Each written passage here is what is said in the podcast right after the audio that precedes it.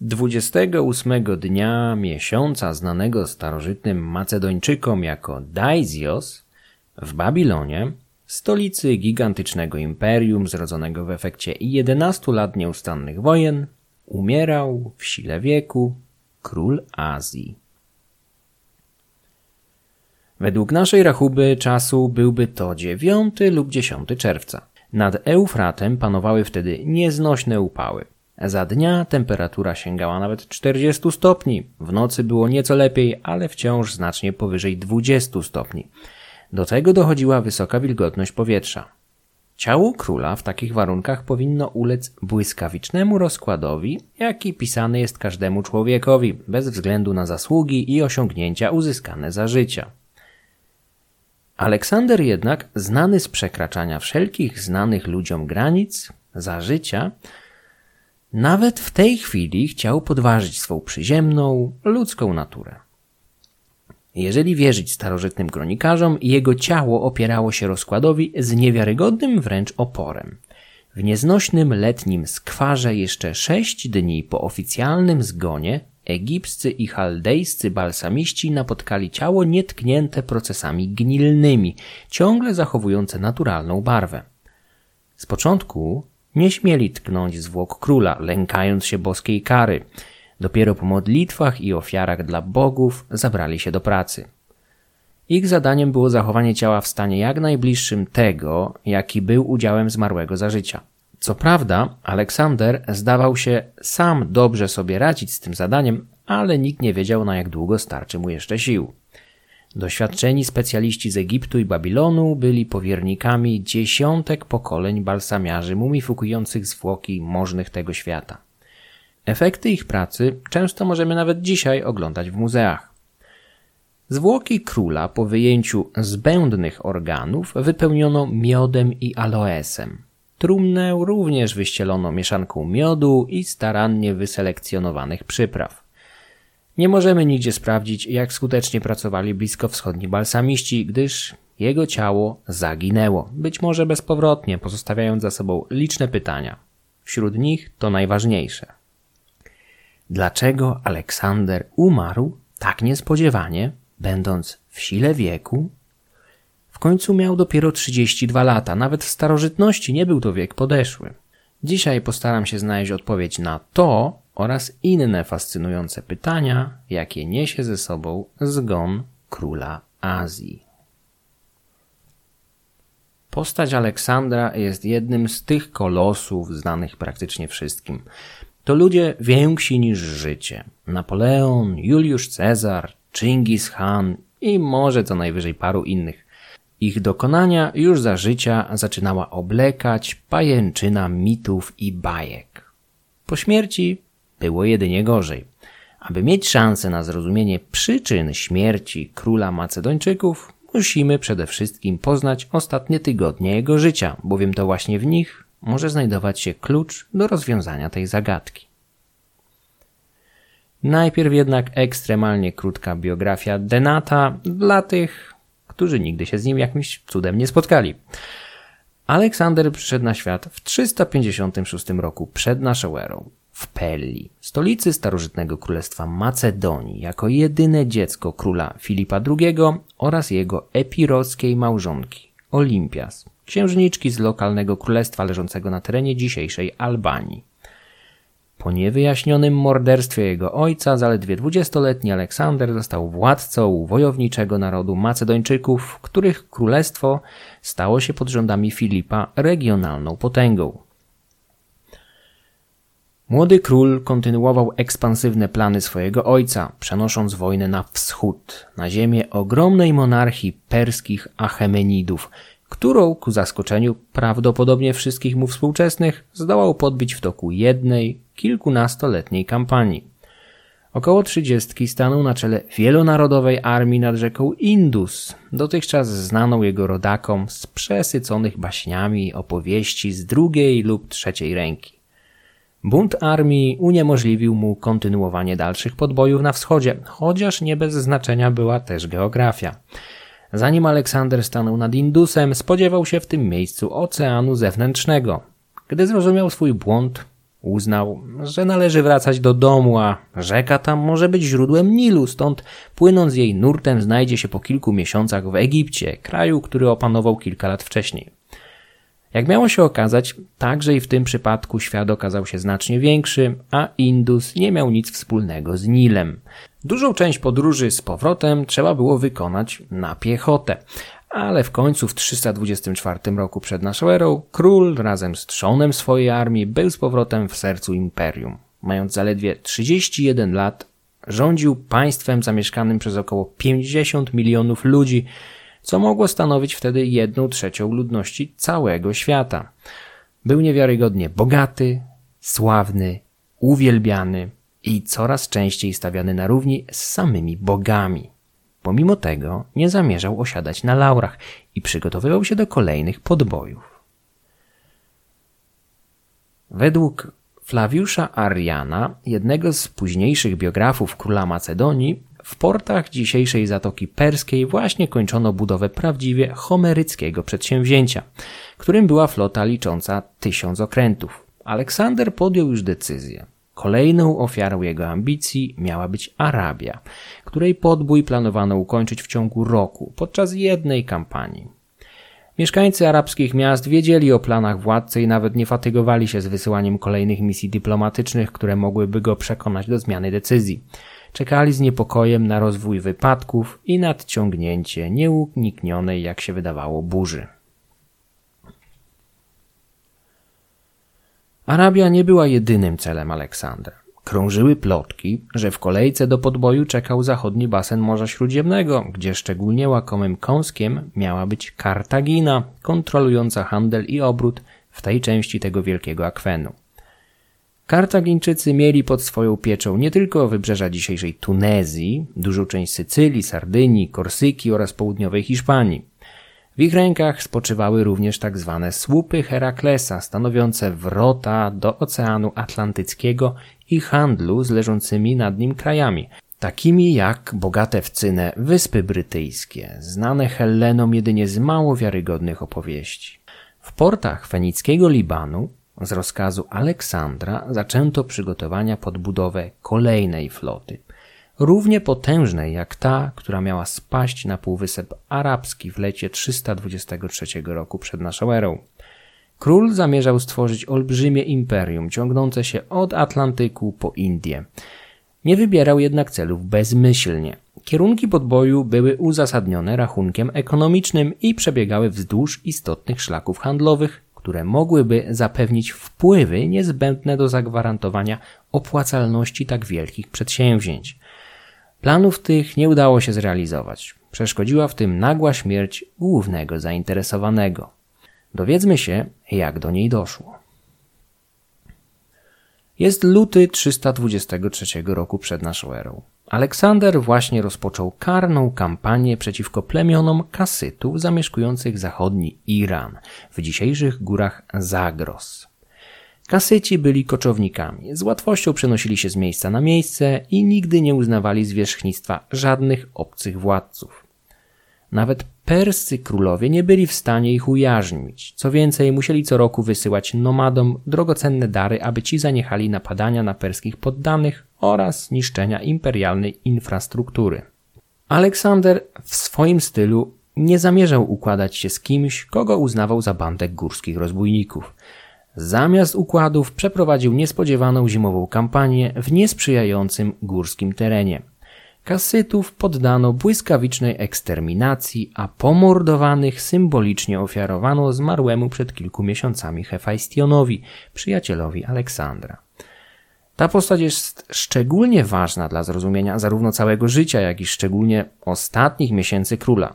Hefajstiona i Aleksandra łączyła od dzieciństwa bardzo bliska więź, którą trudno określić jako zwyczajną przyjaźń. Niektórzy doszukiwali się w niej wątków homoerotycznych, Dotyczy to szczególnie naszych czasów, tak zafiksowanych na punkcie ludzkiej seksualności we wszystkich jej objawach. Prawdopodobnie orientacja Aleksandra Wielkiego bardziej interesuje ludzi dzisiaj, aniżeli obchodziła jego samego.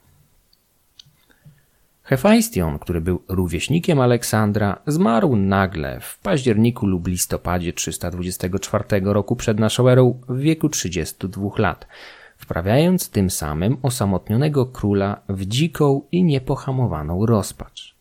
Arian donosił, że lekarza odpowiedzialnego za opiekę nad Hefajstionem powieszono. Zburzono mury kilku sąsiednich miast, zakazano zabaw i gry na flecie, w świątyniach wygaszono ogień.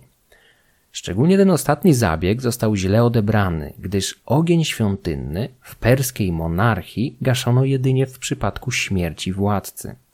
Astrologowie i kapłani szybko uznali to za zły omen. Kraj pogrążył się w wymuszonej, powszechnej żałobie. Władca zaś zmienił się nie do poznania. Śmierć jego przyjaciela była trudna do wytłumaczenia. Dzisiaj najczęściej winę zrzuca się na tyfus, zakaźną chorobę przewodu pokarmowego wywoływaną przez bakterię Salmonella tyfi, spożywane w nieprzygotowanej wodzie lub zakażonym jedzeniu. Szybkość zgonu była jednak tak wyjątkowa, że już w starożytności nie wykluczano trucizny. Aleksander był zdruzgotany, więc tym chętniej ruszył na zimową wyprawę w góry Zagros, gdzie mógł znaleźć jakieś ukojenie w eksterminacji nieposłusznych górali. W międzyczasie planował oszałamiający pogrzeb Hefajstiona oraz nadciągającą wyprawę do Arabii. W marcu 323 roku przed naszą erą Kasyci ostatecznie ulegli władcy po błyskawicznej, czterdziestodniowej kampanii. Król mógł wreszcie ruszyć do Babilonu, zstępując z chłodnych wzgórz prosto w rozpaloną, gorącą wiosną równinę nad Tygrysem i Eufratem.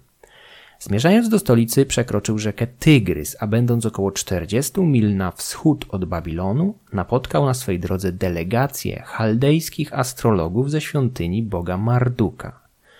Przywódca Chaldejczyków, Belefantes, przekazał nadciągającemu władcy niesprzyjającą wróżbę, według której król powinien unikać Babilonu.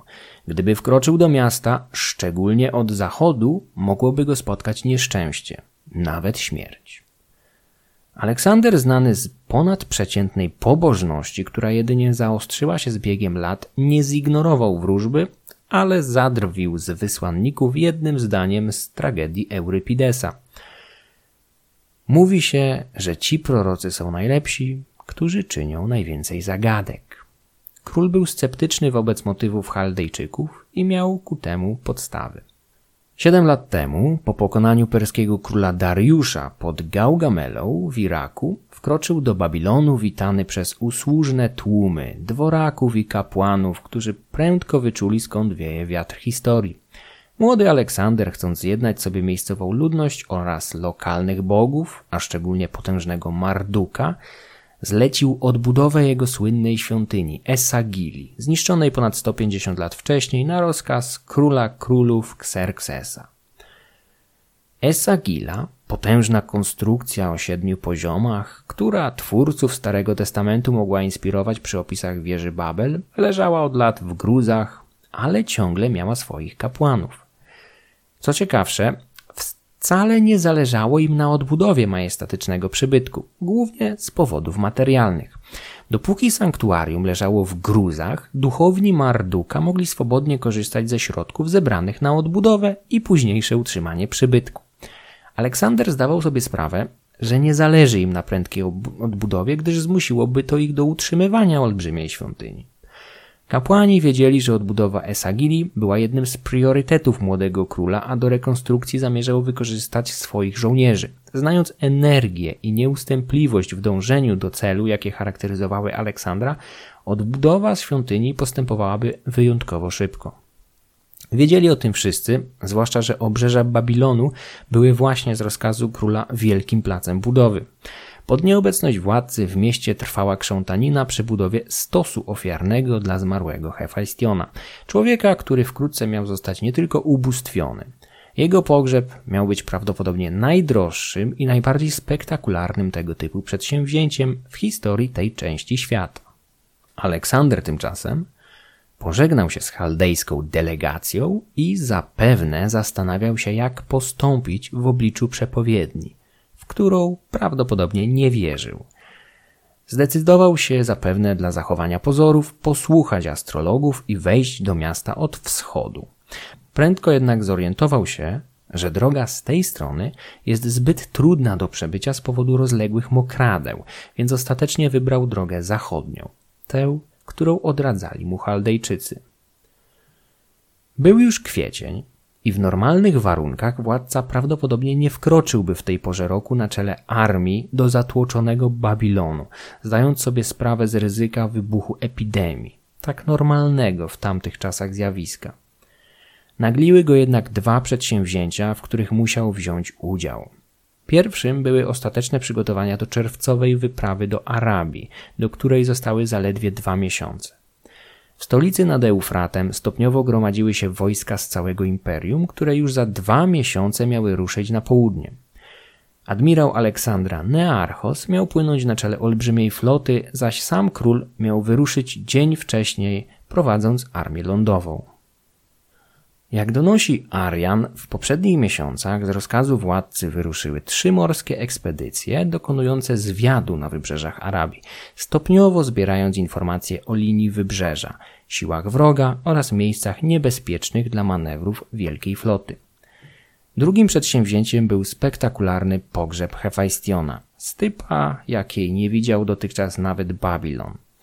Aleksander nie mógł wiedzieć, że zostało mu mniej niż dwa miesiące życia. Miał to być dla niego bardzo pracowity okres. Już po przybyciu wydał wojsku rozkaz uporządkowania rumowiska Esagili, licząc, że praca ta zostanie ukończona przed czerwcową wyprawą na południe.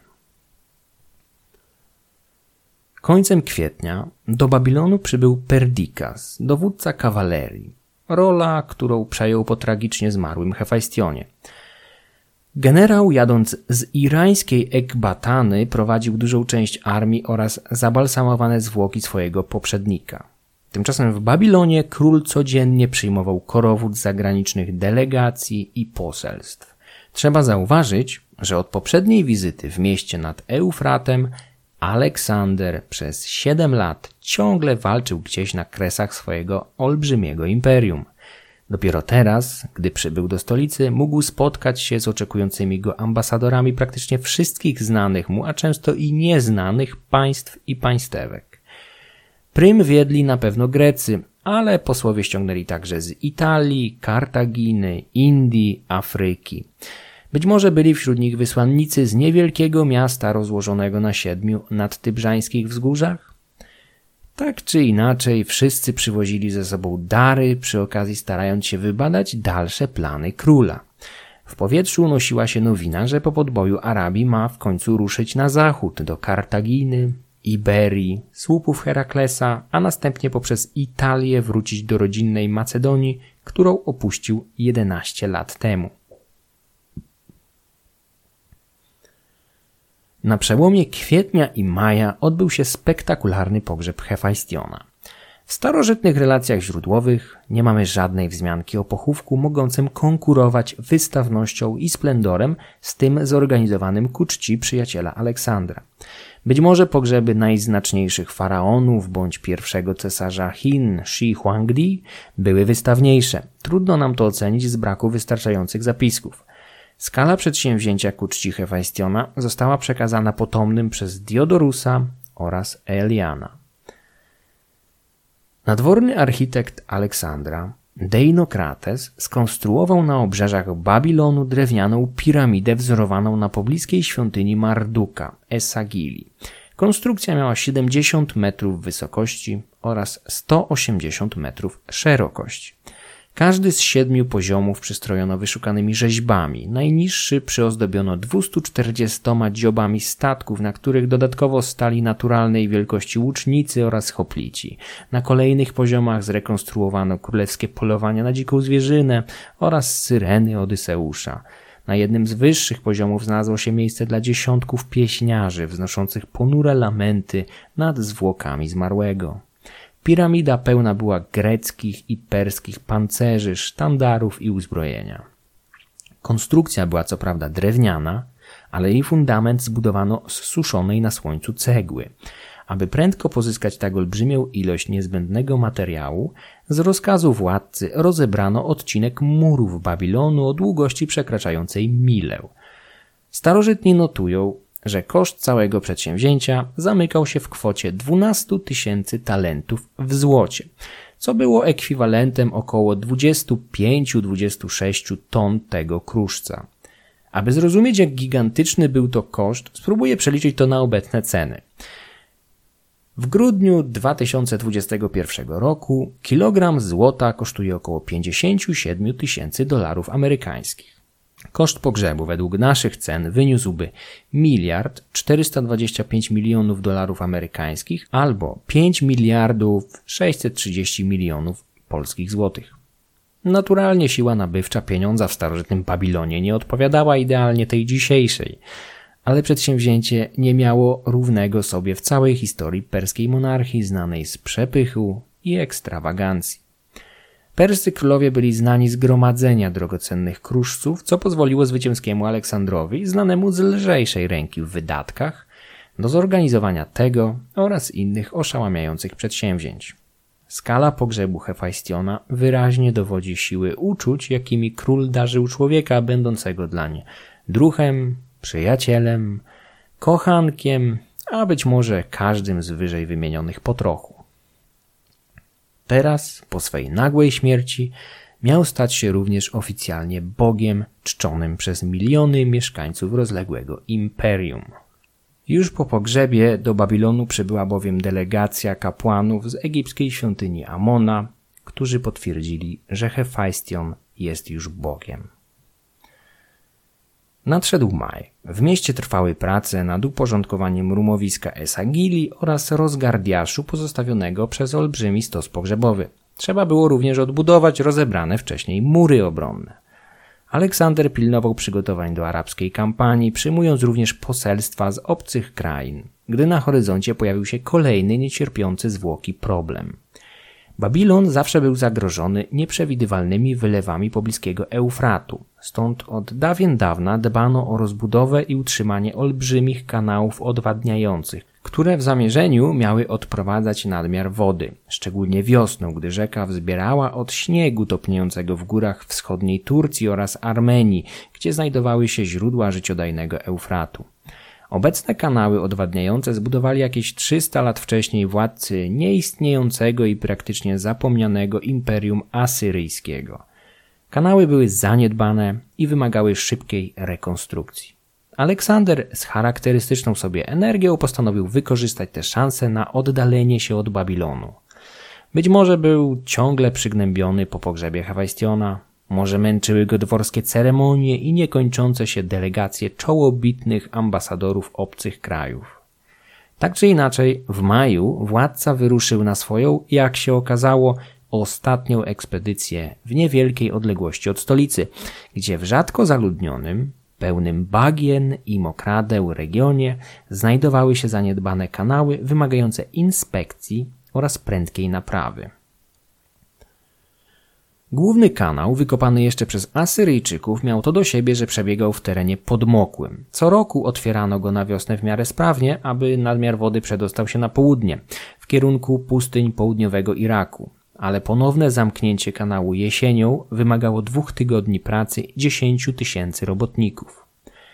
Aleksander na czele ekspedycji ruszył, aby znaleźć rozwiązanie tego problemu, szukając miejsca na budowę zbiornika odwadniającego gdzie indziej. Udało mu się trafić na teren, gdzie gleba była solidniejsza, przez co prace inżynieryjne mogły być prowadzone szybciej przy zaangażowaniu mniejszej ilości robotników. Przy okazji król prędko dostrzegł inne zalety tej lokacji i nakazał założenie w tym miejscu kolejnego miasta. Miało to być ostatnie z licznych miast zakładanych przez energicznego monarchę od Bliskiego Wschodu aż po dorzecze Indusu. Wracając z majowej ekspedycji, część flotyli zabłądziła w licznych odnogach tutejszego dorzecza, co opóźniło powrót do stolicy. W oczekiwaniu na pozostałe, zagubione statki Aleksander z resztą floty brodził przez jakiś czas w bagnistym obszarze, nawiedzanym o tej porze roku przez stada kąśliwych moskitów. Podczas postoju członkowie floty zauważyli opuszczone grobowce jakichś asyryjskich bądź babilońskich królów. Aleksander z charakterystyczną dla siebie ciekawością chwycił drążek sterowy i podpłynął bliżej do pradawnych grobowców. Historycy Arian i Diodorus zanotowali kolejny z serii niesprzyjających omenów, jaki miał wtedy miejsce. Mianowicie miał się zerwać silny wiatr, który zerwał nakrycie głowy króla, a było to o tyle niefortunne, że znajdował się na nim również królewski diadem. Całość upadła na trzcinach, tuż pod grobowcem jakiegoś zapomnianego monarchy. Nie czekając na rozwój sytuacji, jeden z fenickich wioślarzy rzucił się w pław do wody, aby uratować regalia przed zatonięciem. Prędko dopłynął do trzcin, ale wracając, założył królewską czapkę razem z diademem na własną głowę, tak aby nie zamoczyć ich w wodzie. Aleksander odzyskał diadem, ale stanął przed poważnym dylematem. Odwieczne prawa imperium perskich władców, za których następcę sam się uważał, stanowiły jasno i bez ogródek, że każdy człowiek, który założyłby na siebie bądź wziął do rąk bez uprawnienia jakikolwiek element królewskich regaliów, musi zostać bezzwłocznie pozbawiony życia. Dzielny wioślarz powinien więc zostać stracony jako uzurpator. Król, zawsze znany z nieszablonowego działania, co udowodnił najlepiej rozcinając słynny węzeł gordyjski 10 lat wcześniej, nie był w stanie zabić tego człowieka. Jednak, aby odpędzić złe demony, nakazał go symbolicznie wybatorzyć, po czym nagrodził go talentem srebra. Fenicki wioślarz, co prawda, zebrał więc jakieś razy na plecy, ale znalazł się w posiadaniu około 26 kg srebra. Gdyby któryś z dzisiejszych wielkich tego świata chciał w porównywalny sposób wynagrodzić jakiegoś równie pomocnego wioślarza, musiałby mu wręczyć ponad 80 tysięcy złotych. Za te pieniądze wioślarz mógłby wyjechać z salonu nowym Oplem Astro w podstawowej wersji. Upadek diademu, do jakiego doszło przy grobowcach dawnych władców, był kolejnym z serii złych omenów, jakie kładły się cieniem na ostatnich miesiącach życia Aleksandra. Król zdawał sobie z tego sprawę, więc po powrocie do stolicy końcem maja postanowił odprawić dramatyczny rytuał, aby odegnać złe wyrocznie. Przybywając do Babilonu, władca spotkał kolejną część sił ekspedycyjnych 20 tysięcy żołnierzy, głównie perskich, prowadzonych przez jednego z generałów, Pełkestasa. Z tym człowiekiem Aleksander był związany w szczególny sposób, bowiem dwa lata wcześniej Pełkestas uratował życie swego króla podczas szturmu jednej z nieugiętych twierdz w Dolinie Indusu. Macedończyk znany był z nieprzeciętnej odwagi, w uznaniu której Aleksander wybrał go do swojej straży przybocznej. Od tego czasu Pełkestas był tym, który biegł do walki tuż obok swego króla, dzierżąc tarczę Achillesa, którą ten wziął ze sobą ze świątyni Ateny w Ilionie, mieście zbudowanym na ruinach starożytnej Troi. Podczas szturmu fortecy Maliów w Indiach, Aleksander i jego gwardia, widząc znużenie i rezygnację swej armii, rzucili się sami do murów i wspinając się po drabinie, prędko znaleźli się na ich blankach. Drabina, którą wykorzystali, załamała się pod kolejnymi żołnierzami, a król razem z kilkoma wojownikami został sam na murach. Większość z nich zginęła, a sam Aleksander został trafiony strzałą w klatkę piersiową. Pełkestas był tym, który zdołał uratować go przed pewną śmiercią. Żołnierze Aleksandra, widząc upadek wodza, trafionego wydawałoby się śmiertelnie, wpadli w dziką rozpacz połączoną ze wściekłością, ruszyli na mury raz jeszcze i nie zważając na straty, wdarli się do miasta, gdzie zgotowali obrońcom niczym nieograniczoną rzeź, zabijając wszystko, co żyło, aby pomścić swego króla. Aleksander, ku zaskoczeniu i radości wszystkich, jednak przeżył, ale długo dochodził do siebie po tej najcięższej z kilku odniesionych ran. Strzała według najprawdopodobniejszej wersji utkwiła szczęśliwie w jednej z kości klatki piersiowej, być może gdzieś w mostku. Jeden z generałów Aleksandra, późniejszy władca Egiptu i autor zaginionej biografii wodza, Ptolemeusz, donosił, że z rany wydostawała się krew z powietrzem, co mogło wskazywać na powierzchowną perforację płuca. Ptolemeusz nie był obecny na miejscu, więc jego wersję raczej się odrzuca, ale bez wątpienia ta oraz pozostałe liczne rany, jakie odniósł w swoim bardzo aktywnym życiu król Macedonii, nie pozostawały bez wpływu na jego ogólne zdrowie. Pełkestas przywiódł kolejne wojska niezbędne do zakrojonej na szeroką skalę wyprawy. Aleksander jednak prawdopodobnie bardziej niż wojskiem był zajęty rozważaniem wszystkich niesprzyjających omenów z ostatnich miesięcy. Wtedy właśnie na dworze w Babilonie wydarzyła się dziwna historia. Historycy Diodorus, Plutarch i Arian wszyscy zanotowali, że gdy władca razem z innymi wysokimi oficerami udał się grać dla relaksu w piłkę, do jego sali tronowej wkroczył niezapowiedziany gość. Obłąkany więzień, Grek Dionizjusz, pochodzący z Messenii na Peloponezie, miał się niepostrzeżenie znaleźć w sali tronowej, gdzie niezauważony przywdział diadem i pozostałe regalia Aleksandra, po czym zasiadł na jego tronie. Straże i dworzanie, którzy w dziwny sposób przeoczyli Dionizjusza, ujęli go natychmiast po tym, jak zorientowali się w świętokradczej uzurpacji, jakiej dokonał, być może nie do końca świadomy swoich czynów. Greka zgodnie z prawem prędko stracono. Historia jest wiarygodna, ale interpretacja starożytnych autorów wydaje się naiwna.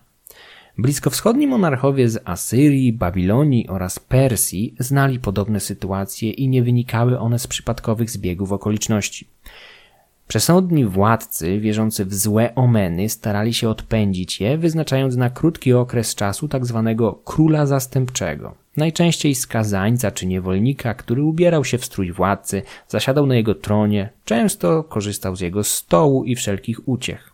Po określonym czasie, gdy uznawano, że zdołał on oszukać złe duchy i przejąć na siebie fatum ciążące nad monarchą, mordowano go bez litości.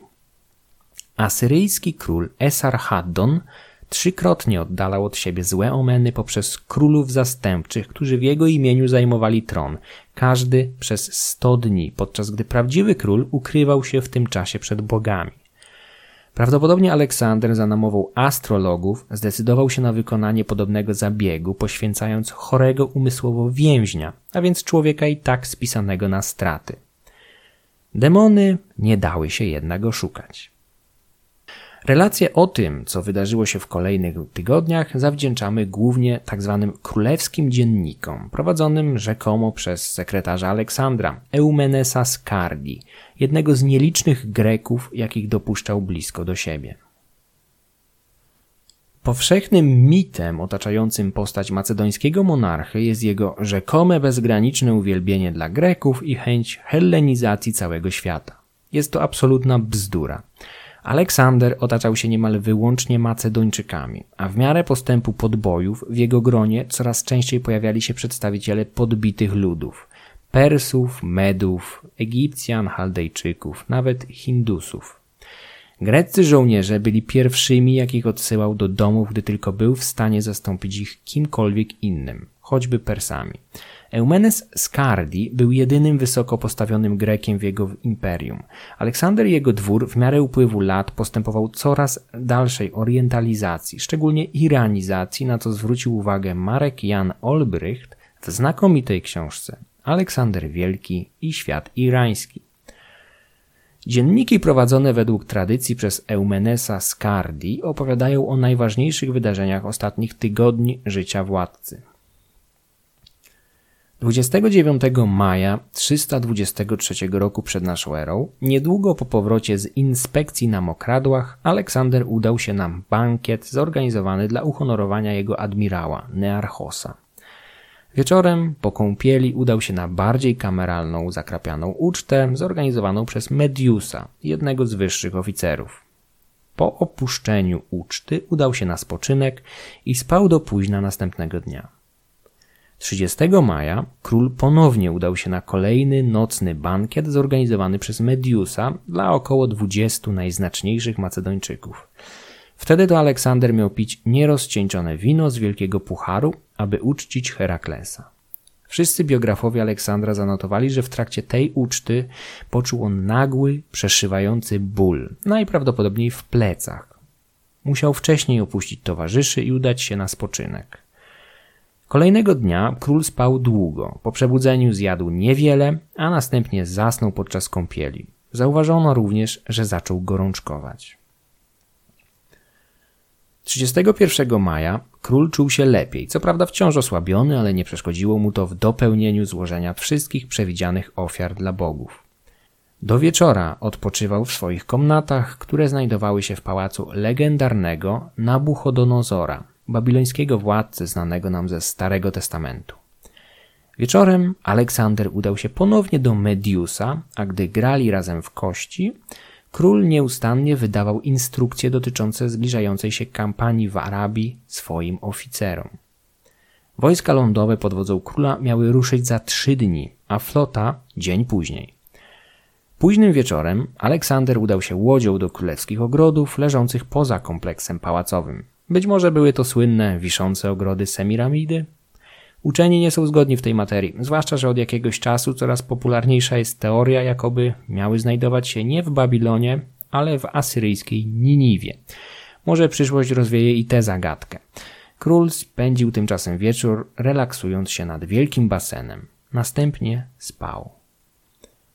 1 czerwca Aleksander wziął kąpiel, złożył codzienne ofiary i resztę dnia spędził w łożu z baldachimem, konwersując z nieodłącznym Mediusem i Nearchosem. Ten drugi miał za trzy dni prowadzić flotę do Arabii. Prawdopodobnie mogli więc razem dopinać plany na przysłowiowy ostatni guzik. Autor dziennika ponownie zanotował, że władca jadł niewiele, a całą noc męczyła go silna gorączka. 2 czerwca historia powtórzyła się. Król wziął kąpiel, złożył ofiary, omawiał przyszłą kampanię z oficerami, ale wraz z upływem dnia jego gorączka zaczęła rosnąć, aby szczególnie dać mu się we znaki nocą. Kolejnego dnia, 3 czerwca, nastąpił przełom, bowiem od tego dnia gorączka zaczęła trapić władcę bez ustanku. Pomimo ciężkiego stanu zdrowia, Aleksander nadal konsultował się z oficerami, wydając ostatnie rozkazy. Wtedy zapewne przesunięto o kilka dni termin rozpoczęcia ekspedycji w nadziei szybkiej poprawy zdrowia króla. Nadzieje te okazały się jednak płonne, bowiem kolejne dwa dni, 4 i 5 czerwca, upłynęły pod znakiem zaostrzania się objawów nieznanej choroby. 6 czerwca Aleksander, nie mogący już poruszać się o własnych siłach, został przeniesiony na zebranie z najwyższymi oficerami do pałacowych ogrodów. Ciągle rozpoznawał swoich przyjaciół, ale nie był w stanie wydobyć żadnego słowa, co podkreślił autor dzienników. Gorączka nie opuszczała go, nasilając się nocami. Kolejne dwa dni, 7 i 8 czerwca, stały się dla niego wręcz agonią. W tym momencie wśród szeregowych żołnierzy rozniosły się plotki, że król zmarł, a jego generałowie, znani oficjalnie jako towarzysze, ukrywają ten fakt przed wojskiem. Armia znalazła się na krawędzi buntu i wymusiła na wyższych oficerach prawo do zobaczenia władcy po raz ostatni. Żołnierzom pozwolono przemaszerować obok łoża Aleksandra, który nie był w stanie mówić, poza ledwo słyszalnym szeptem. Pozdrawiał żołnierzy jedynie skinieniem głowy lub ruchem ręki. Wtedy to jego oficerowie, czując zbliżający się koniec, zaczęli naciskać władcę na wydanie instrukcji celem sprawnego przekazania władzy w olbrzymim imperium – Aleksander miał co prawda kilka małżonek, ale nie miał żadnego prawowitego następcy. Jedna z jego żon, baktryjska księżniczka Roxana, była we wczesnej ciąży i nikt nie wiedział, czy zdoła urodzić dziecko, nie mówiąc już o jego płci. Cztery lata miał za to tajemniczy chłopiec o imieniu Herakles, urodzony przez córkę frygijskiego satrapy, Barzinę. Matka uważała, że ojcem był Aleksander, z którym miała romans, ale główny zainteresowany nigdy nie uznał dziecka. Następstwo było więc dalece niepewne, a imperium groziły krwawe wojny. Król ostatkiem sił miał przekazać swój złoty pierścień Perdikasowi, wyznaczając go jako regenta chroniącego jego brzemienną małżonkę Roxanę. Ostatnie słowa Aleksandra były przedmiotem sporów już w starożytności. Według najpopularniejszej tradycji miał wyszeptać dla najlepszego albo dla najsilniejszego. Władca mówił niewyraźnie, prawdopodobnie bełkotał, więc greckie słowo kratisto ktoś mógł zinterpretować jako imię jednego z najważniejszych generałów, Kraterosa. Ten drobny detal jest uchwycony w filmie Olivera Stone'a podczas scen rozgrywających się przy łożu umierającego władcy. Fundament pod igrzyska pogrzebowe króla zdawał się formować w oszałamiająco szybkim tempie. Stawką było imperium, ciągnące się od Grecji po Indię, najbogatsze i najludniejsze państwo ówczesnego świata. Niektórzy dziejopisowie zanotowali, że umierający Aleksander łamiącym się głosem przewidywał wielkie igrzyska, jakie jego pamięci zgotują na polach bitew jego generałowie.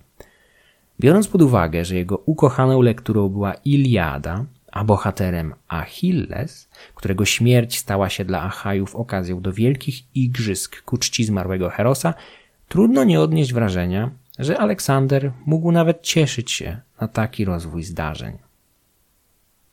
Powoli wypuszczał z dłoni lejce imperium, a za jego plecami już zbierał się tłum pragnący zastąpić go w roli woźnicy. Koniec nadciągał nieubłaganie. Pięciu z jego towarzyszy razem z dwoma wieszczami postanowiło mimo tego urządzić nocne czuwanie w świątyni Marduka. 8 czerwca król wyczerpany nieustającą gorączką poczuł ogromne pragnienie, które starał się uśmierzyć winem. Po wypiciu alkoholu popadł w delirium i ostatecznie stracił kontakt z rzeczywistością. Wieczorem następnego dnia, 9 czerwca, ogłoszono jego śmierć. Niecałe sześć tygodni przed 33 urodzinami.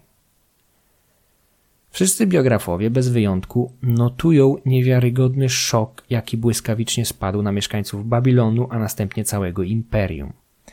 W zasadzie radość odczuli głównie Grecy, szczególnie Ateńczycy wierzący, że po śmierci tyrana, za jakiego uważali Aleksandra, wreszcie odzyskają wolność i dawno utracone znaczenie. Macedończycy oraz duża część rdzennych mieszkańców imperium pogrążyli się w szczerej rozpaczy. Najlepszym przykładem był los Sisygambis, matki perskiego króla Dariusza oraz babki jednej z małżonek Aleksandra.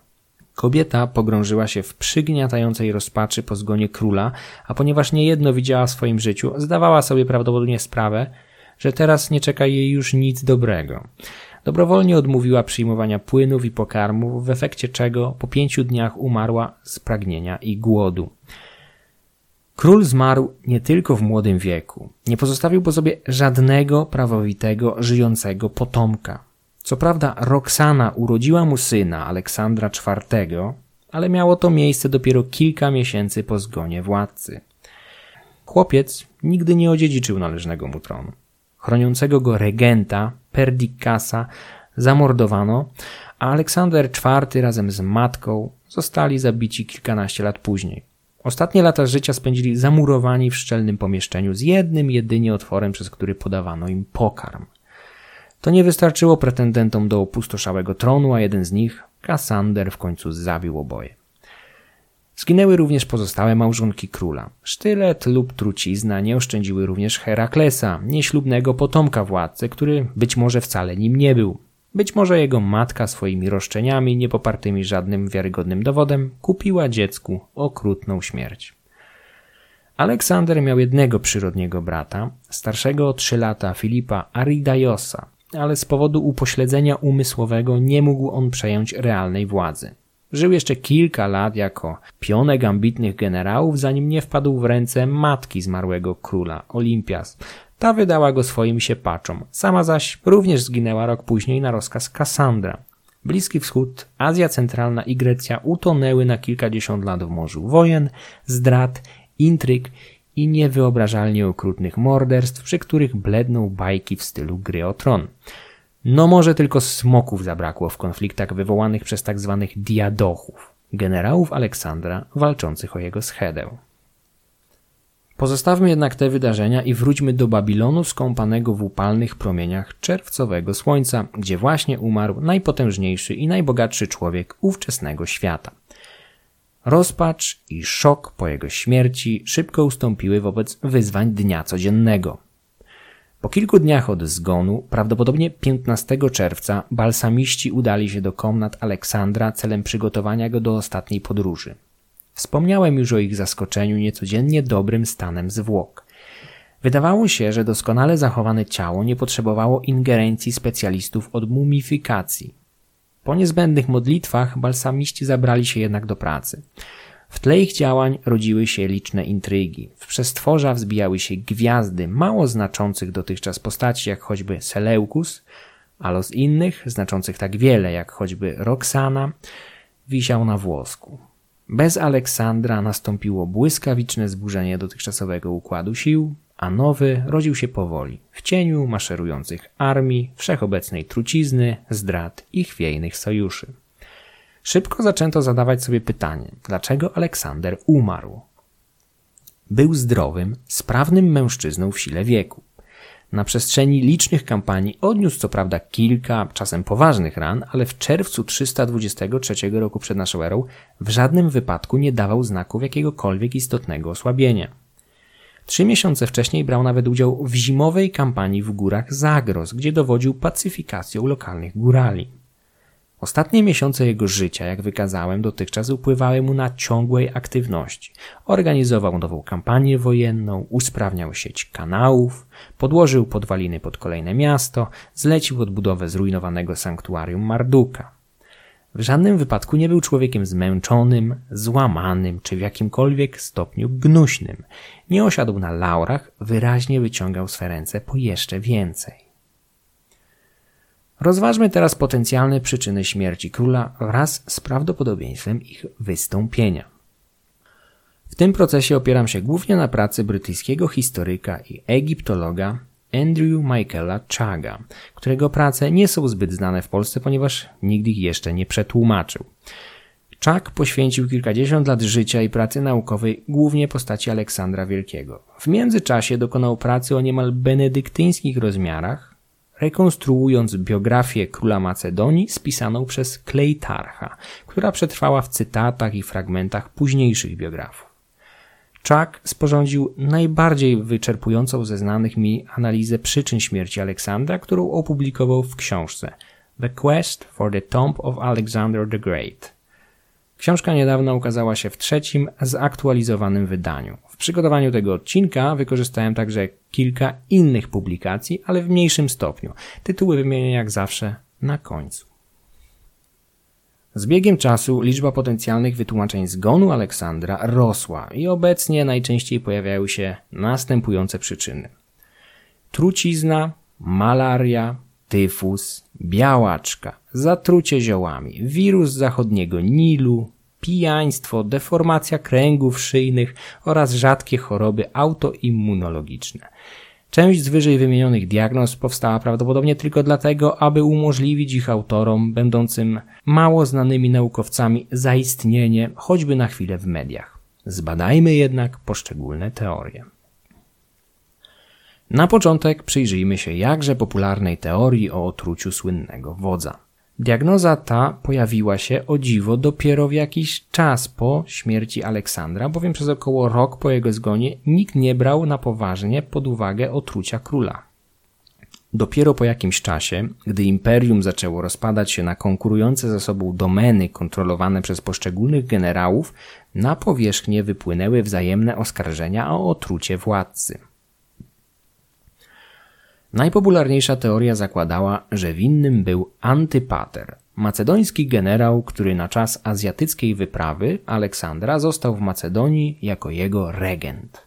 W 323 roku przed naszą erą Aleksander miał wezwać Antypatra do Babilonu, prosząc o posiłki, które miały zastąpić odchodzących tysiącami na wojskową emeryturę weteranów dotychczasowej kampanii. Antypater nie przybył osobiście. Wysłał swego syna Kassandra, który z miejsca podpadł królowi.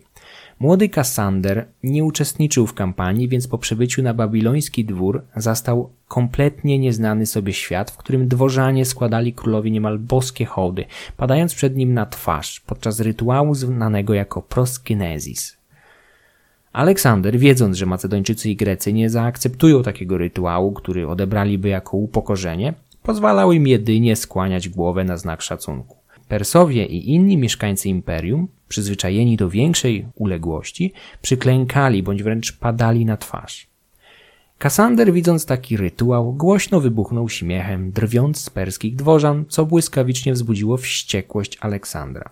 Król miał podbiec do syna Antypatra, chwycić go za twarz, a następnie z całej siły uderzyć jego głową o ścianę. Wszyscy wiedzieli, że kilka lat wcześniej Aleksander w porywie wściekłości wzmocnionej dodatkowo alkoholem własnoręcznie zamordował jednego ze swoich towarzyszy, Kleitosa Czarnego, człowieka, który parę lat wcześniej uratował mu życie w bitwie nad Granikiem. Kassander uniknął tego losu, ale szczerze nienawidził króla za to upokorzenie na oczach całego dworu. Według zwolenników trucizny to właśnie Kassander otruł władcę, chociaż historia powtarzana przez niektórych biografów bardziej pasowałaby do tolkienowskiego śródziemia aniżeli starożytnego Babilonu. Mianowicie, Kassander miał do wysłania władcy na tamten świat użyć wody zaczerpniętej z rzeki umarłych, Styksu. Miała ona błyskawicznie chłodzić organizm tak, że potraktowany nią delikwent umierał po jakimś czasie. Woda ze Styksu przeżerała każdy materiał za wyjątkiem kopyt osła. To też Kasander przewiózł ją z Macedonii do Babilonu w oślim kopycie. Następnie pod czaszy króla imieniem Jollas dolał ją do pucharu, z którego pił król podczas bankietu u Mediusa. Jak wspominałem wcześniej, to podczas tego spotkania Aleksander miał poczuć bóle, które większość autorów lokalizowała w dolnej części ciała, najczęściej na plecach. Teoria o truciźnie z czasem nabrała dużej popularności. Pewien ateński orator, Hypereides, wniósł wniosek o podarowanie podczaszemu nagrody za uwolnienie świata od tyrana, a matka Aleksandra, Olimpias, kilka lat po śmierci Jollasa w akcie bezsilnej zemsty nakazała zburzyć jego nagrobek.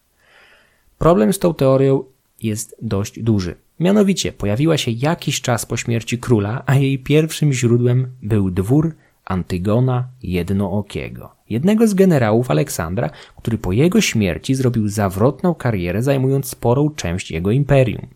Antygon toczył wojny z Antypatrem i Kassandrem, więc w jego interesie było rozsiewanie plotek o współudziale tych ostatnich w otruciu ukochanego władcy. Poza tym, kto przy zdrowych zmysłach uwierzyłby w jakąś wodę ze Styksu transportowaną tysiące kilometrów w kopycie osła bądź muła? Wreszcie, sam zgon głównego bohatera mojej opowieści nastąpił jakieś 10-11 dni po bankiecie u Mediusa, a objawy nie wskazywały na pojedyncze zatrucie, bowiem stan zdrowia króla z początku to pogarszał się, to poprawiał i nosił znamiona raczej infekcji bakteryjnej lub wirusowej, nie zaś trucizny, która raczej wysłałaby go na tamten świat od razu. Aleksander w kolejnych dniach jadł i pił niewiele, więc prawdopodobieństwo, że podtruwano go przez kilka dni jest niewiarygodne, a nikt przy zdrowych zmysłach nie ryzykowałby podania dawki tak niewielkiej, żeby nie zabiła go błyskawicznie. Gdyby Aleksander przeżył próbę otrucia i zorientował się, że stał się jej ofiarą, zrobiłby w Babilonie czystkę o stalinowskiej skali, a tego nikt nie chciał ryzykować. Teoria o celowym otruciu, chociaż tak medialnie kusząca, jest wysoce nieprawdopodobna. Kilkanaście lat temu na rynku pojawiło się parę książek promujących to założenie, co jest zrozumiałe, gdyż historia morderstwa sprzedaje się lepiej aniżeli zgon od tyfusu czy malarii. Żadna z tych publikacji nie miała jednak większej wartości naukowej. Kolejna teoria zakładała dur brzuszny, albo inaczej tyfus. Ta diagnoza od początku wydawała się jedną z bardziej prawdopodobnych, jednak zaledwie część objawów Aleksandra pasuje do tych charakteryzujących tyfus. Król cierpiał na osłabienie i gorączkę, ale na ciele nie było żadnego śladu po typowej dla tyfusu plamistego wysypce. Kronikarze zgodnie podkreślają, że jego ciało nawet po śmierci było bardzo dobrze zachowane i nie nosiło żadnych oznak wysypki. Do tego utrata głosu też nie wydaje się być objawem tyfusu. Co prawda, choroba często występowała na Bliskim Wschodzie i być może jej ofiarą był sam Hefajstion, ale najwięcej zarażeń brało się zawsze ze spożycia nieprzygotowanej, zanieczyszczonej wody. Natomiast Aleksander, jako perski władca, zawsze pił wodę przegotowaną. Rytuał gotowania wody miał podłoże religijne, nie zaś higieniczne, ale być może uratował niejednego achemenickiego monarchę przed niepożądaną dolegliwością. Na koniec zwolennicy teorii tyfusowej wskazują, że Aleksander cierpiał na bóle podbrzusza, tak charakterystyczne dla duru. Problem w tym, że większość kronikarzy lokalizuje jego bóle na plecach i to jedynie podczas bankietu u Mediusa. Później miały one zaniknąć. Do tego w opisach nie ma śladu po biegunkach, wymiotach oraz innych tego typu objawach. Ból w okolicy brzucha notuje jedynie znacznie późniejszy romans o Aleksandrze. Późny zbiór opowieści o Macedończyku, w którym Aleksander rozmawia z drzewami, nurkuje na dno zbiorników wodnych, a czasem pokonuje nawet mityczne smoki. Nikt nie bierze romansu Aleksandrze na poważnie. Dur jest możliwy, ale jego prawdopodobieństwo jest w przypadku króla niewielkie. Kolejna teoria o wirusie zachodniego Nilu została obalona niemal tak prędko, jak tylko powstała, gdyż genetyczne badania tego patogenu wykazały, że pojawił się nie prędzej aniżeli we wczesnym średniowieczu, a być może nawet dopiero około tysięcznego roku naszej ery. Choroba ta nie istniała w czasach, gdy Aleksander rezydował w Babilonie. Podobnie wygląda prawdopodobieństwo toksycznego zatrucia ziołami. Aleksander był pilnym uczniem Arystotelesa i musiał przyswoić sobie chociaż podstawową wiedzę o ziołach leczniczych. Ciężko uwierzyć, że sam by się nimi zatruł, a potem konał przez dwa tygodnie, a ani on sam, ani jego medycy nie zdaliby sobie z tego sprawy. Do kosza z ekstremalnie mało prawdopodobnymi diagnozami należy wrzucić białaczkę, gdyż choroba, chociaż dająca dość szerokie spektrum objawów, postępuje powoli, dając efekty stopniowo, natomiast król zgasł w agonii trwającej zaledwie półtora tygodnia. Kolejną taką teorią jest zapalenie opłucnej, którą jakiś badacz wysunął, kojarząc strzałę, jaka wbiła się w klatkę piersiową Aleksandra podczas szturmu na fortecę Maliów dwa lata przed zgonem, o której wspominałem wcześniej. Badacz wysunął teorię, że strzała dokonała perforacji płuca, która zagoiła się powierzchownie, ale potem znowu rozjątrzyła się po niemal dwóch latach.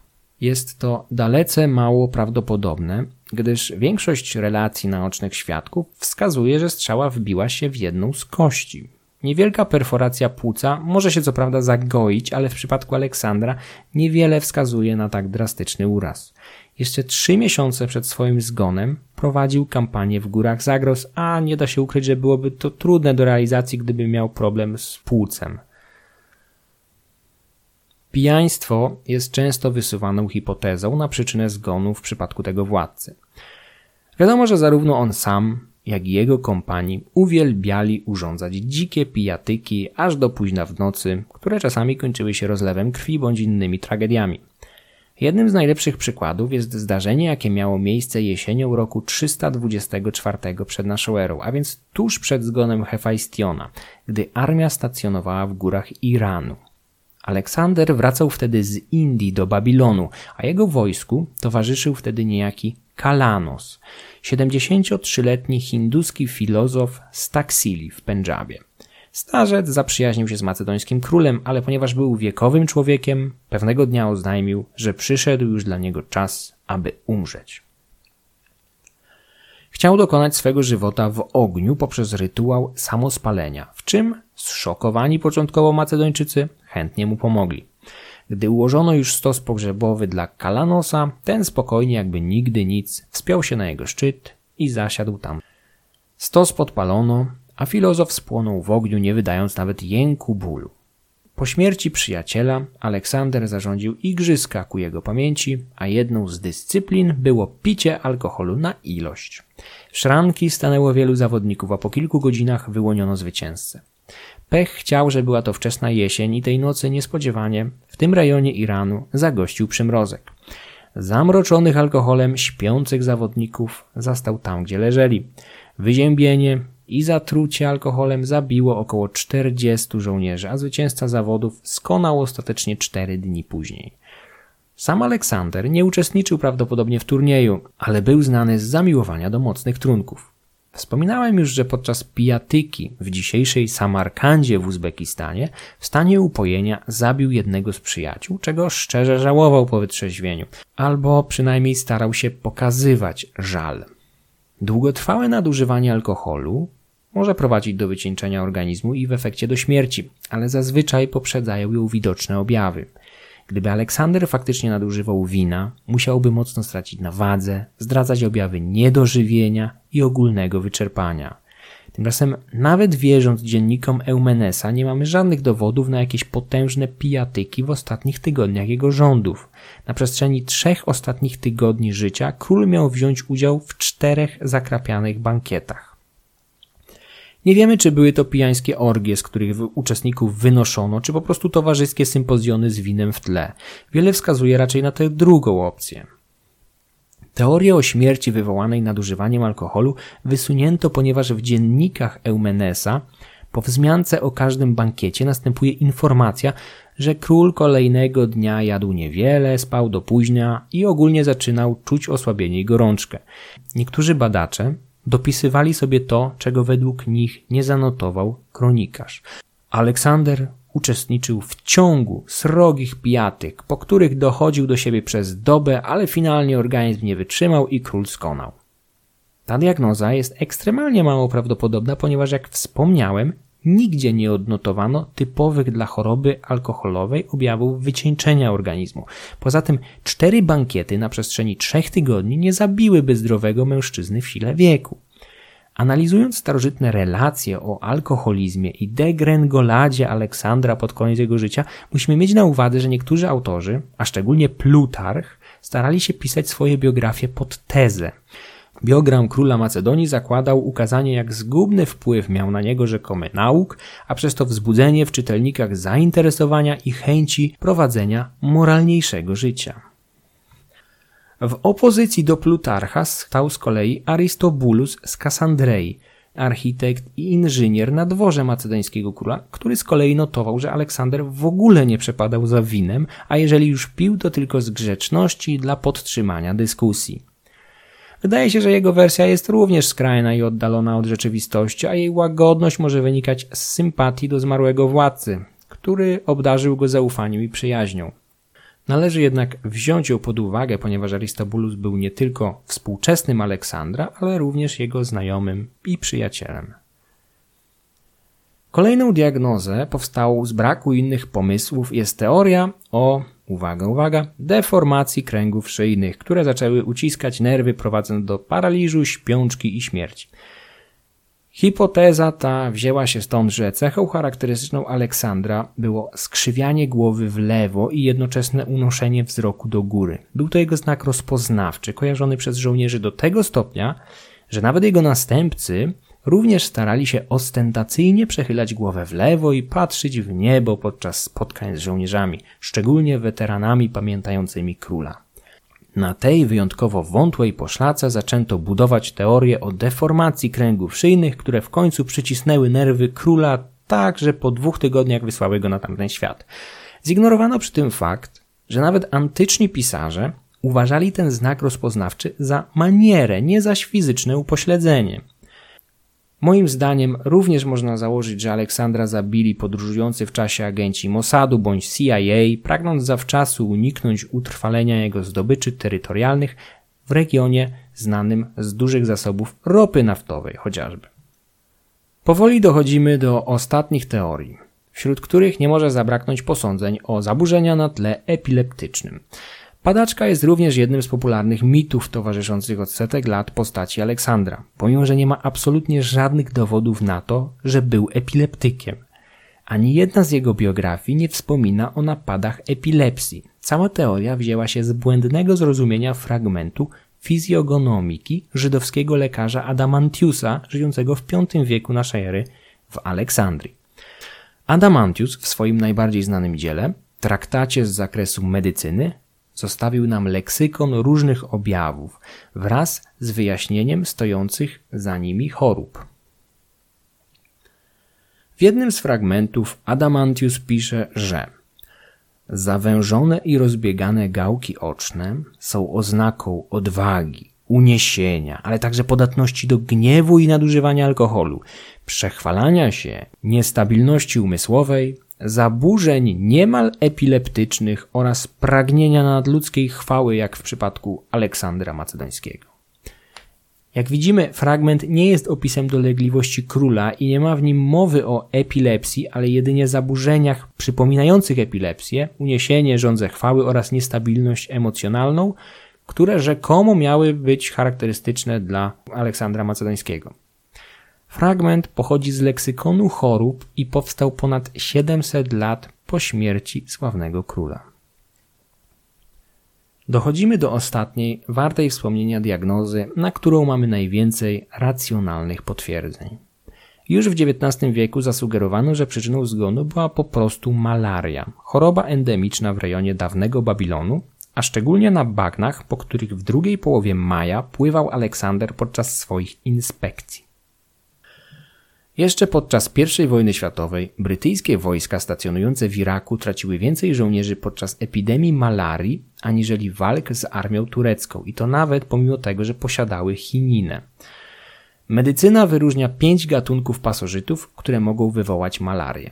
Plasmodium falciparum, Plasmodium ovale, Plasmodium vivax, Plasmodium gnowlesi i Plasmodium malarie.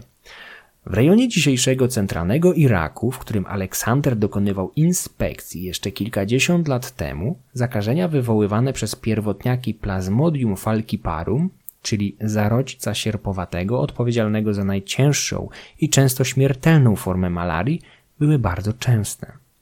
Pierwotniaki przenoszone są w ślinie komara widliszka, a do ludzkiego krwiobiegu dostają się tuż po ukąszeniu. Czas inkubacji w zakażonym organizmie wynosi od 9 do 14 dni, podczas których pasożyt rozwija się bezobjawowo w wątrobie ofiary. Po tym okresie pierwotniaki przenoszą się do krwinek czerwonych, a wraz z nimi atakują pozostałe organy, wywołując liczne, często ciężkie do poprawnego zdiagnozowania objawy. Do pierwszych symptomów zalicza się ogólne osłabienie, brak apetytu, bóle pleców i kończyn, wymioty, czasem biegunkę bądź żółtaczkę. Klasyczne objawy malarii zawierają również dreszcze oraz uczucie zimna, po których często w regularnych odstępach następują ataki gorączki, najczęściej nocą. Powiększeniu może ulec również śledziona, chociaż rzadko na tyle, aby można było to zaobserwować gołym okiem bądź poczuć dotykiem. Podczas pierwszych 3-4 dni pacjent wykazuje lekkie objawy chorobowe, które łatwo można uznać za przeziębienie bądź inną chorobę wirusową. Pod koniec pierwszego tygodnia choroby, czasem w ciągu zaledwie kilku godzin, następuje zaostrzenie objawów, które na tym etapie zależą od organu, jaki został zaatakowany przez podróżujące we krwi pierwotniaki. Malaria może zaatakować płuca, nerki bądź mózg. W przypadku tego ostatniego narządu objawami będzie malaria mózgowa której mogą towarzyszyć bóle głowy, senność lub podniecenie, nienormalne zachowanie, a czasami śpiączka. W przypadku braku interwencji lekarza po kilku dniach następuje zgon. Teraz sprawdźmy, które z wyżej wymienionych objawów pasują do przypadku Aleksandra. Król spędził co najmniej kilka dni w regionie znanym jeszcze w XX wieku z występowania widliszków roznoszących pierwotniaki zarodźca sierpowatego. Jego inspekcja miała miejsce jakiś tydzień, dwa tygodnie przed zanotowaniem pierwszych widocznych objawów końcem maja podczas bankietu u Mediusa. Ten czas dokładnie pokrywa się z okresem inkubacji zarodźca sierpowatego w zaatakowanym organizmie. Dzienniki Eumenesa wyraźnie notują senność, osłabienie i brak apetytu króla. Do tego podczas bankietu doszły bóle, najczęściej lokowane w plecach i dolnej części ciała. Powyższe objawy są charakterystyczne dla wczesnej fazy malarii. Arian notuje, że od 3 czerwca, czyli jakieś 4 dni od wystąpienia pierwszych objawów, nastąpiło zaostrzenie choroby i Aleksander nie miał już w ogóle przerwy od gorączki co jednoznacznie sugeruje, że we wcześniejszym okresie miał okresy poprawy samopoczucia, szczególnie za dnia. Nocą następowała gorączka, ustępująca z kolei rankiem, co dawało władcy nadzieję na koniec krótkiej choroby. Pomimo osłabienia wracał więc do normalnych czynności i planowania kampanii arabskiej, ale nocą gorączka wracała. Codzienna, regularna gorączka jest charakterystycznym objawem wczesnego etapu malarii. Po kilku dniach Aleksander miał stracić głos. Objaw ten może wystąpić, gdy pasożyty zarodźca sierpowatego atakują płuca bądź mózg. W drugim wypadku zaczynają pojawiać się objawy neurologiczne. Aristobulus zanotował w swojej biografii władcy, że w ostatnich dniach życia wpadł w delirium, tracąc kontakt z rzeczywistością. Są to objawy późnego stadium malarii mózgowej. 9 lub 10 czerwca ogłoszono zgon władcy, ale ciało jeszcze przez kilka dni, pomimo czerwcowych upałów sięgających za dnia blisko 40 stopni, pozostawało świeże i nienaruszone. Ten objaw nasuwa przypuszczenie, że król umarł nie 9-10 czerwca, ale dwa, może trzy dni później, wegetując w tym czasie w stanie śpiączki, która jest częstym powikłaniem malarii mózgowej, szczególnie u ludzi nie mających naturalnej odporności na tę chorobę. Podczas śpiączki procesy życiowe mogą ograniczyć się do trudno wyczuwalnego poziomu. Oddech staje się tak płytki, że osoba bez doświadczenia z tą chorobą może łatwo stwierdzić zgon. Aleksander był dodatkowo postacią czczoną już za życia niczym Bóg, budzącym respekt władcą, przed którym padano na twarz. Bardzo możliwe, że w ostatnich dniach życia nikt nawet nie odważył się na zbyt dokładne oględziny ciała. Jeżeli król znalazł się w stanie śpiączki, łatwo można wytłumaczyć, dlaczego jego ciało przetrwało 5-6 dni, opierając się rozkładowi.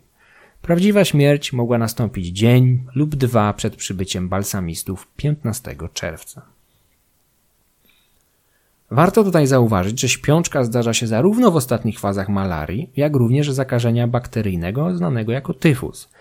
Objawy mogą być identyczne, ale różnica leży w prawdopodobieństwie. W późnej fazie malarii śpiączka jest objawem normalnym, chociaż nie występuje zawsze. W przypadku tyfusu śpiączka jest objawem niezmiernie rzadkim. W ogóle, w przypadku kilku pasujących diagnoz, zawsze powinniśmy najbardziej skłaniać się nie do tej najbardziej ekstrawaganckiej, ale do tej o największym prawdopodobieństwie. Szansa zgonu króla z powodu jakiejś tajemniczej choroby autoimmunologicznej, białaczki, zapalenia opłucnej czy wirusa zachodniego Nilu, nawet jeśli faktycznie istniałby on w czasach Aleksandra, jest obdarzona prawdopodobieństwem w granicach nawet nie procentów, ale ułamków promili. Trucizna przy wszystkich objawach i trwaniu choroby jest wysoce nieprawdopodobna, ale nie można jej do końca wykluczyć. Po prostu żadna znana trucizna nie pasuje do przebiegu choroby króla. Tyfus mógłby go zabić, ale zarażenie się nim było w jego wypadku mało prawdopodobne. Zresztą wśród objawów wyraźnie brakuje chociażby charakterystycznej wysypki. Malaria jest najbardziej prawdopodobna, bowiem Aleksander mógł ją złapać poprzez ukąszenie niewielkiego komara, którego mógł nawet nie poczuć. Nie musiał pić zanieczyszczonej wody, przebywać w zatłoczonym mieście. Pochodził z Bałkanów i praktycznie nikt w jego rodzinie nie mógł posiadać żadnego stopnia wrodzonej odporności na malarię, stąd nawet gdyby był w pełni sprawny i zdrowy, jego przypadek wobec braku szybkiej interwencji powinien skończyć się zgonem. Oczywiście, ktoś może powiedzieć, że skoro malaria była chorobą endemiczną w starożytnym Iraku, ktoś nawet w czasach Aleksandra powinien ją jakoś zdiagnozować albo skojarzyć objawy z innymi znanymi sobie przypadkami. Niestety nawet w naszych czasach szybkie zdiagnozowanie malarii przenoszonej przez zarodźca sierpowatego jest dość skomplikowane, o czym najlepiej świadczy przypadek Elona Maska, który w 2000 roku po urlopie w RPA w rejonie malarycznym wylądował w szpitalu z objawami poważnej choroby. Lekarze u progu XXI stulecia dwukrotnie błędnie zdiagnozowali jego dolegliwość. Malaria była dopiero ich trzecią diagnozą.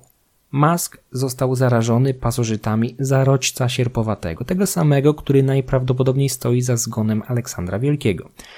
Choroba w przypadku późniejszego miliardera zaczynała dawać już objawy neurologiczne, które po kilku kolejnych dniach pewnie zaowocowałyby śpiączką oraz zgonem. Ilon przeżył tylko dzięki podaniu na czas chlorochiny. W chwili zakażenia miał 29 lat, był więc młodym mężczyzną w pełni sił.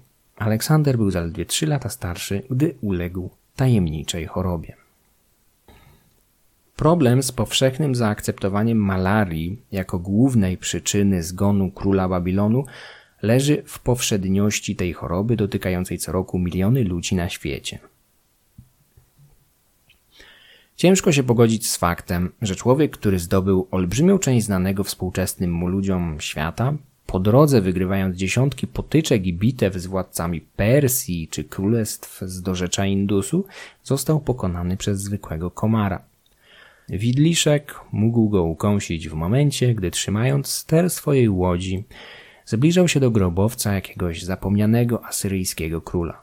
Możliwe, że nie poczuł ugryzienia. Zbyt zaaferowany diademem strąconym przez porywisty wiatr do rzeki. Złe omeny finalnie okazały się zbyt potężne i nawet potencjalne zabicie jednego z więźniów jako zastępczego króla nie zdołało odwrócić złego uroku ciążącego od jakiegoś czasu nad młodym królem. W przygotowaniu tego odcinka szczególną pomocą była publikacja The Quest for the Tomb of Alexander the Great autorstwa Andrew Michaela Chaga. Poza nią posiłkowałem się biografiami króla Macedonii autorstwa Robina Lane Foxa, Krzysztofa Nawodki oraz Petera Greena. Wszystkie biografie ich autorstwa noszą ten sam tytuł. Aleksander Wielki bądź Alexander the Great. Książki Lane Foxa bowiem nigdy nie przetłumaczono na polski. Wszystkie wyżej wymienione publikacje polecam, ale to praca Chaga jest najbardziej wyczerpującą w tym temacie, gdyż nie jest typową biografią, raczej monografią podejmującą wąski aspekt związany z życiem, śmiercią i dziedzictwem Aleksandra. Teksty źródłowe, szczególnie biografie Aleksandra pochodzące ze starożytności, są dość liczne, ale wszystkie zostały napisane kilkaset lat po jego śmierci. Autentyczności dodaje im fakt, że opierały się na wcześniejszych biografiach. W ciągu życia jednego pokolenia po zgonie króla powstało około 20 biografii i relacji z jego wyprawy pióra różnych autorów. Żadna z tych publikacji nie przetrwała do naszych czasów w całości, ale liczne anegdoty i fragmenty krążą w późniejszych pracach Ariana, Plutarcha czy Kurcjusza Rufusa. Ciekawym źródłem są tak zwane efemerydy Aleksandra, czyli dzienniki królewskie przypisywane jego sekretarzowi Eumenesowi Scardi, jedynemu tak wysoko postawionemu Grekowi w jego sztabie. Odcinek opiera się w znacznej mierze na nich. Większość badaczy uznaje ich autentyczność, ale niektórzy, zwłaszcza ci promujący hipotezę o truciźnie, starają się podważyć wiarygodność efemeryd. Głównym argumentem jest pojawienie się w tekście dziennika imienia Boga Serapisa, który nie był czczony w czasach Aleksandra. Wytłumaczenie tego dziwnego przypadku jest dość proste. Jedyne kopie dzienników, jakie przetrwały do naszych czasów, pochodzą z egzemplarzy tworzonych wiele lat po śmierci króla Macedończyków, a kopista w miejsce archaicznego babilońskiego Marduka zwyczajnie podstawił imię boga Serapisa, bardziej znane swoim czytelnikom. Praktyka dość popularna zarówno w starożytności, jak i średniowieczu. W końcu to nie bogowie się zmieniają, a jedynie ich imiona.